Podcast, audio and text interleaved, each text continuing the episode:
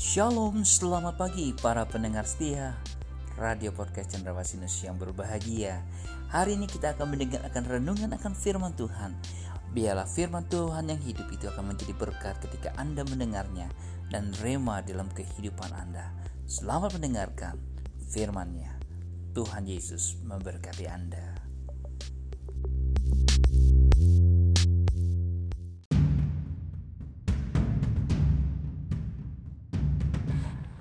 Salam, selamat pagi Bapak Ibu Saudara yang dikasih oleh Tuhan. Apa kabarnya pagi hari ini?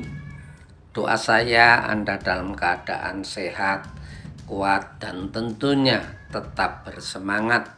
Kembali saya Pendeta Samuel akan sharing kebenaran firman Tuhan di mana pagi hari ini saya ambil di dalam kitab Galatia 4 ayat yang ke-12 Demikianlah kebenaran firman Tuhan itu.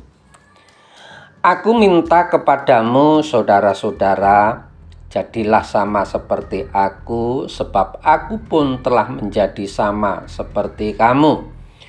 Belum pernah kualami sesuatu yang tidak baik daripadamu. Haleluya. Pagi hari ini saya kasih tema menyatakan kebenaran.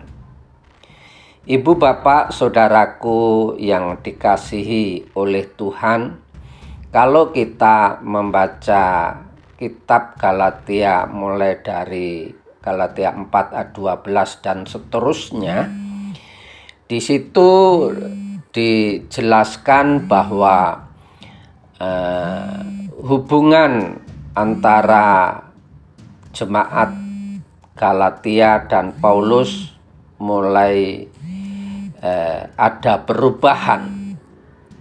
Tapi tahukah saudara bahwa sebenarnya pada awal-awalnya hubungan jemaat Galatia dan Paulus itu sangat baik. Jemaat Galatia mendukung pelayanan Paulus, membantu Paulus dalam banyak hal dan bahkan mau menerima ajarannya. Tetapi itu semua bukan berarti membuat Paulus menjadi berubah dan tidak mau lagi menyatakan kebenaran, serta tidak mau menegur mereka.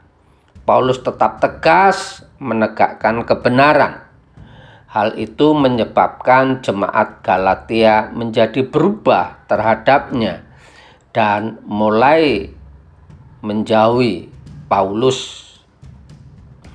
Nah, ibu bapak saudaraku yang dikasihi oleh Tuhan, mengapa uh, kita sebagai orang percaya harus bisa meneladani Paulus agar supaya kehidupan kita itu senantiasa menyatakan kebenaran dan menempatkan kebenaran itu di atas segalanya. Tiga hal yang ingin saya sampaikan. Yang pertama, karena kebenaran itu satu-satunya jalan untuk dapat naik ke gunung Tuhan atau bertemu dengan Tuhan. Artinya begini, saudara.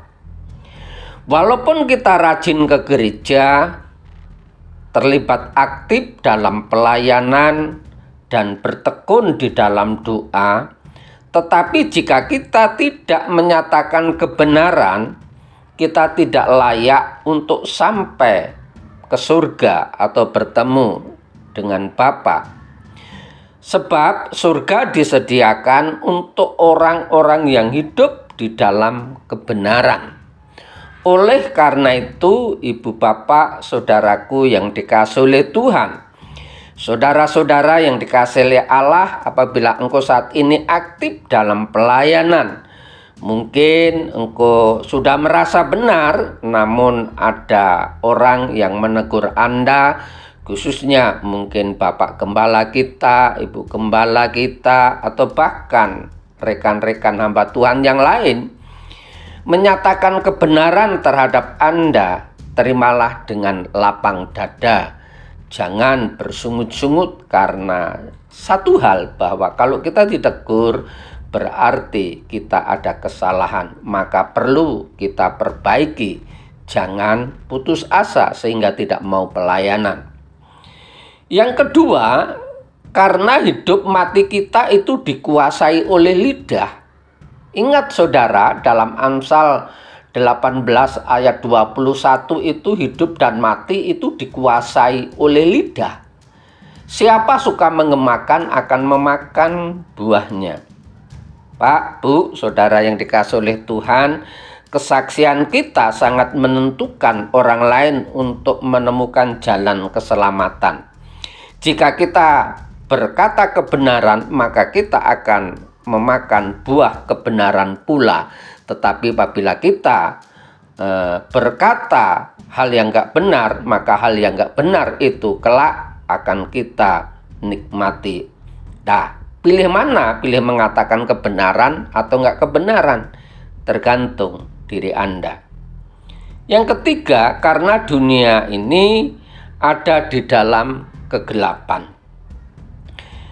Sebagai orang percaya, kita harus menjadi terang di tengah-tengah dunia ini karena di dalam Matius 5 ayat 14 dan 15 di sana kamu adalah terang dunia dan seterusnya.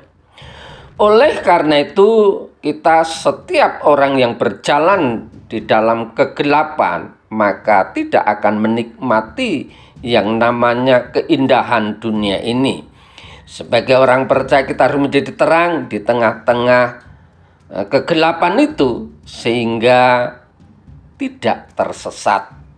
Katakanlah yang harus menuntun mereka, kitalah yang harus pula membawa jalan kebenaran kepada mereka sehingga orang-orang dapat mengenal Tuhan dan akhirnya bertobat. Bapak Ibu Saudaraku dikasih oleh Tuhan, tugas dan kewajiban kita adalah menyampaikan kebenaran. Selanjutnya untuk mereka dapat bertobat itu adalah karya Roh Kudus. Selamat pagi, selamat beraktivitas. Tuhan Yesus memberkati, tetap semangat.